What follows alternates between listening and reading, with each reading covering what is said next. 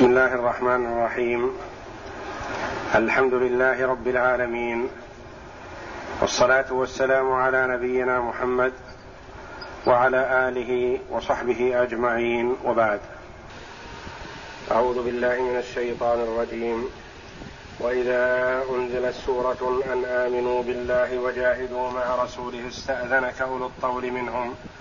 وقالوا ذرنا لكم مع القاعدين رضوا بأن يكونوا مع الخوالف وطبع على قلوبهم فهم لا يفقهون لكن الرسول والذين آمنوا معه جاهدوا بأموالهم وأنفسهم وأولئك لهم الخيرات وأولئك هم المفلحون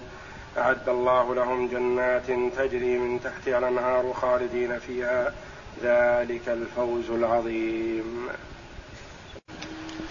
وعلى واذا انزلت سوره ان امنوا بالله وجاهدوا مع رسوله استاذنك اولو الطول منهم وقالوا ذرنا نكن مع القاعدين رضوا بان يكونوا مع الخوالف وطبع على قلوبهم فهم لا يفقهون هذه صفه من صفات المنافقين انهم لا يرغبون في الخروج للجهاد في سبيل الله مع رسول الله صلى الله عليه وسلم لان قلوبهم خاليه من الايمان ولا يرغب في الجهاد في سبيل الله حقا الا من امن بالله ورسوله واليوم الاخر يقول جل وعلا واذا انزلت سوره ان امنوا بالله اذا انزلت سوره اذا نزل ايات من القران فالسوره يطلق على السوره بكاملها ويطلق على جزء منها يعني اذا نزل ايات من القران ترغب في الجهاد في سبيل الله وتحث على ذلك المؤمنون يسارعون والمنافقون يستأذنون ويبدون الأعذار الكاذبة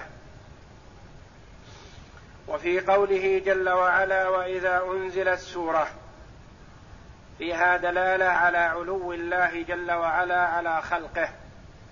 وانه جل وعلا كما هو ثابت بالكتاب والسنه له العلو المطلق علو القدر وعلو القهر وعلو الذات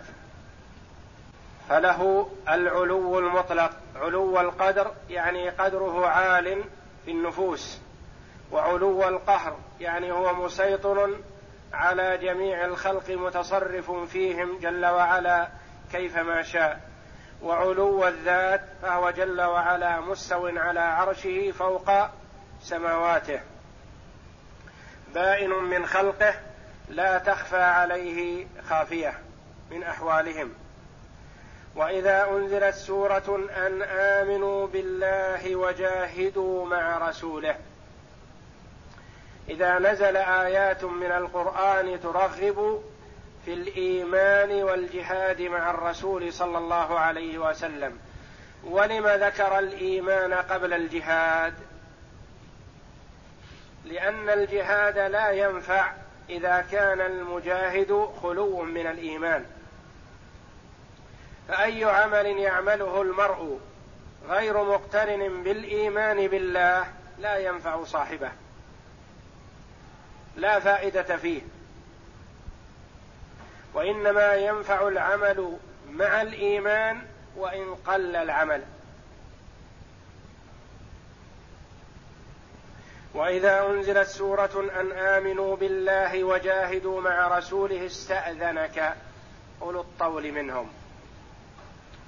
يعني ابدوا واظهروا استئذانهم متعللين باعذار واهيه استاذنك اولو الطول منهم المراد بالطول قيل السعة والقدرة في المال وقيل المراد بالطول الوجاهة والقيادة والرياسة يعني استأذنك الرؤساء من هؤلاء أو استأذنك الأغنياء منهم استأذنك أولو الطول منهم وقالوا ذرنا نكن مع القاعدين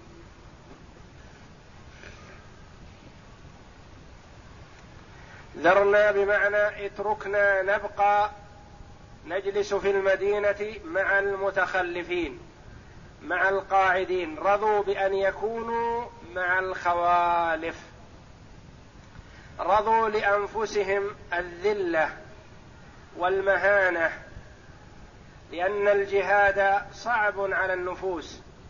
ولا يقوى عليه الا من قوي ايمانه اما اذا كان المرء خلوا من الايمان فهو لا يرغب في الجهاد وان اعتبر من المتخلفين ومن النساء الخالفات الباقيات في البيوت وقالوا ذرنا نكن مع القاعدين رضوا لانفسهم بان يكونوا مع الخوالف الخوالف قيل المراد بها النساء خوالف مفردها خالفه فرضوا بان يكونوا مع النساء وذلك لما وقر في قلوبهم من الخوف من الخروج للاعداء حاله كونهم خالين من الايمان رضوا بان يكونوا مع الخوالف وقيل المراد بالخوالف جمع خالفه كذلك في الرجل التابع للقوم الذي لا قيمه له ولا يعبا به يقال فلان خالفه قومه يعني ارذل قومه وارداهم رضوا بان يكونوا مع الخوالف وطبع على قلوبهم طبع كما تقدم غير مره بمعنى ختم عليها يعني لا تقبل الخير شبهت قلوبهم بالصحائف المختومه المطبوع عليها بالطابع الخاتم بحيث لا يستطيع احد ان يدخل فيها شيئا او ان يخرج منها فطبع على قلوبهم فهم لا يفقهون ليس عندهم من الفقه شيء ولو فقهوا لسعوا لما فيه سعادتهم وصلاحهم واجتنبوا ما فيه مضرتهم فلكون لا فقه عندهم تركوا الخير وتركوا النافع وتركوا المفيد وتركوا عز الدنيا والاخره ورضوا بالمهانه في الدنيا والعذاب في الاخره وما ذاك الا لعدم فقههم وعدم معرفتهم رضوا بان يكونوا مع الخوالف وطبع على قلوبهم فهم لا يفقهون لا يدركون ما ينتفعون به في الدنيا والاخره فتركوا النافع الذي هو الجهاد في سبيل الله ففيه عز الدنيا وفيه سعاده الاخره تركوا ذلك ورضوا بالمهانه في الدنيا ورضوا بالعذاب في الدار الاخره لتخلفهم عن رسول الله صلى الله عليه وسلم وما ذاك الا لعدم فقههم ومعرفتهم بسم الله الرحمن اعوذ بالله من الشيطان الرجيم واذا انزلت سوره ان امنوا بالله وجاهدوا مع رسوله استاذنك اولو الطول منهم وقالوا ذرنا نكن مع القاعدين رضوا بأن يكونوا مع الخوالف وطبع على قلوبهم فهم لا يفقهون قال العماد بن كثير رحمه الله تعالى يقول تعالى منكرا وذاما للمتخلفين عن الجهاد الناكلين عنه مع القدرة عليه ووجود السعة والطول واستأذنوا الرسول صلى الله عليه وسلم في القعود وقالوا ذرنا نكن مع القاعدين ورضوا لأنفسهم بالعار والقعود في البلد مع النساء وهن الخوالف بعد خروج الجيش فإذا وقع الحرب كانوا أجبن الناس وإذا كان أمن كانوا أكثر الناس كلاما كما قال تعالى عنهم في الآية الأخرى فإذا جاء الخوف رأيتهم ينظرون إليك تدور أعينهم كالذي يغشى عليه من الموت فإذا ذهب الخوف سلقوكم بألسنة حداد أي علت ألسنتهم بالكذب بالكلام الحاد القوي في الأمن وفي الحرب أجبن شيء وكما قال الشاعر أفي السلم أعيار جفاء وغلظة أفي السلم أعيارا جفاء وغلظة أفي الحرب أشباه النساء الفواركية نعم. أفي السلم أعيارا جفاء وغلظة وفي الحرب أشباه النساء الفوارك وقال تعالى في الآية الأخرى ويقول الذين آمنوا لولا ويقول الذين آمنوا لولا نزلت ويقول الذين آمنوا لولا نزلت سورة فإذا أنزلت سورة محكمة وذكر فيها القتال رأيت الذين في قلوبهم مرض ينظرون إليك نظر المغشي عليه من الموت فأولى لهم طاعة وق... طاعة وقول معروف فإذا عزم الأمر فلو صدقوا الله لكان خيرا لهم الآية وقوله وطبع على قلوبهم اي بسبب نكولهم عن الجهاد والخروج مع الرسول صلى الله عليه وسلم في سبيل الله فهم لا يفقهون اي لا يفهمون ما فيه صلاح لهم فيفعلوه ولا ما فيه مضره لهم فيجتنبوه يقول جل وعلا لكن الرسول والذين امنوا معه جاهدوا باموالهم وانفسهم واولئك لهم الخيرات واولئك هم المفلحون اعد الله لهم جنات تجري من تحتها الانهار خالدين فيها ذلك الفوز العظيم لما ذكر جل وعلا صفه المنافقين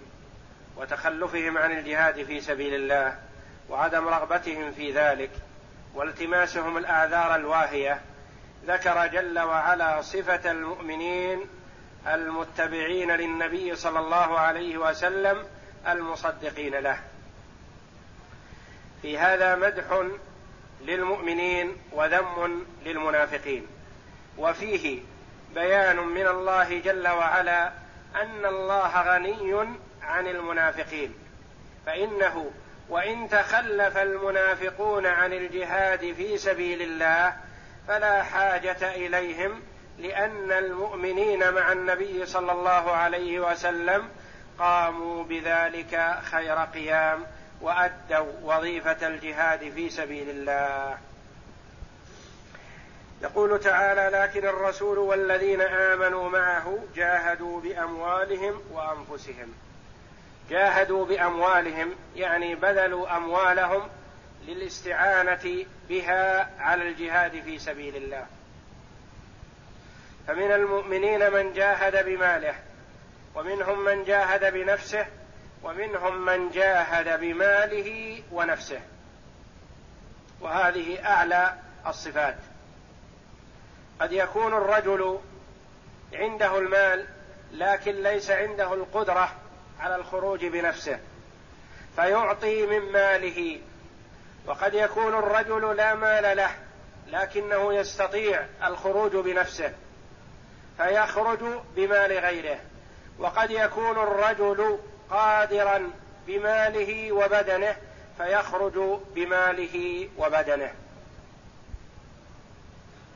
وافضل الجهاد الجهاد بالمال والنفس واذا لم يتيسر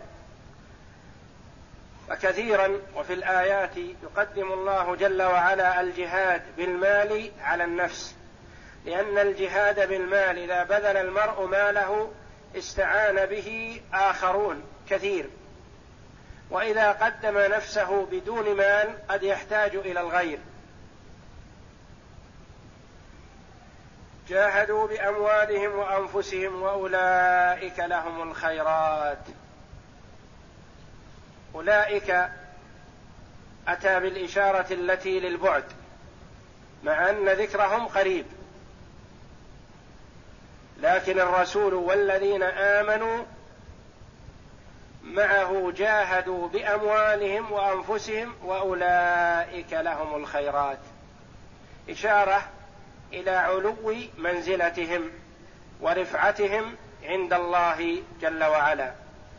اولئك لهم الخيرات المراد بالخيرات قيل المراد سعاده الدنيا والاخره الخير في الدنيا بالغنيمه والنصر والخير في الاخره بالسعاده بالفوز بجنه عرضها السماوات والارض وقيل المراد بالخيرات النساء الحور العين في الجنه كما قال الله جل وعلا فيهن خيرات حسان واولئك لهم الخيرات واولئك هم المفلحون السعداء في الدنيا والاخره وفلاح الدنيا يكون بالنصر والغنيمه واظهار القوه والغلبه على الاعداء والفلاح في الاخره بجنة عرضها السماوات والأرض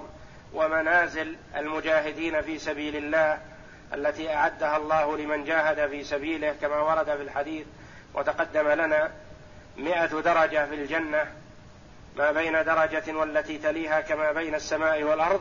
أعدها الله لمن جاهد في سبيله أعد الله لهم جنات تجري من تحتها الأنهار الجنات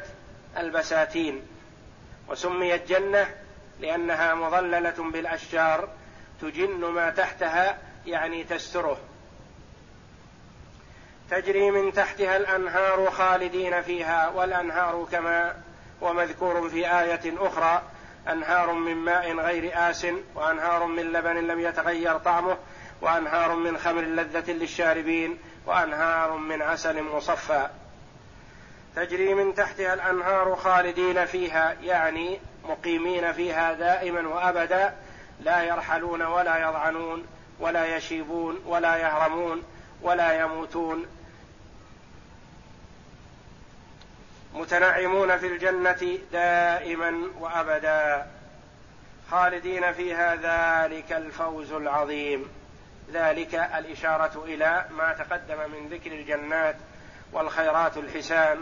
الفوز السعاده العظمى التي لا يعدلها شيء بسم الله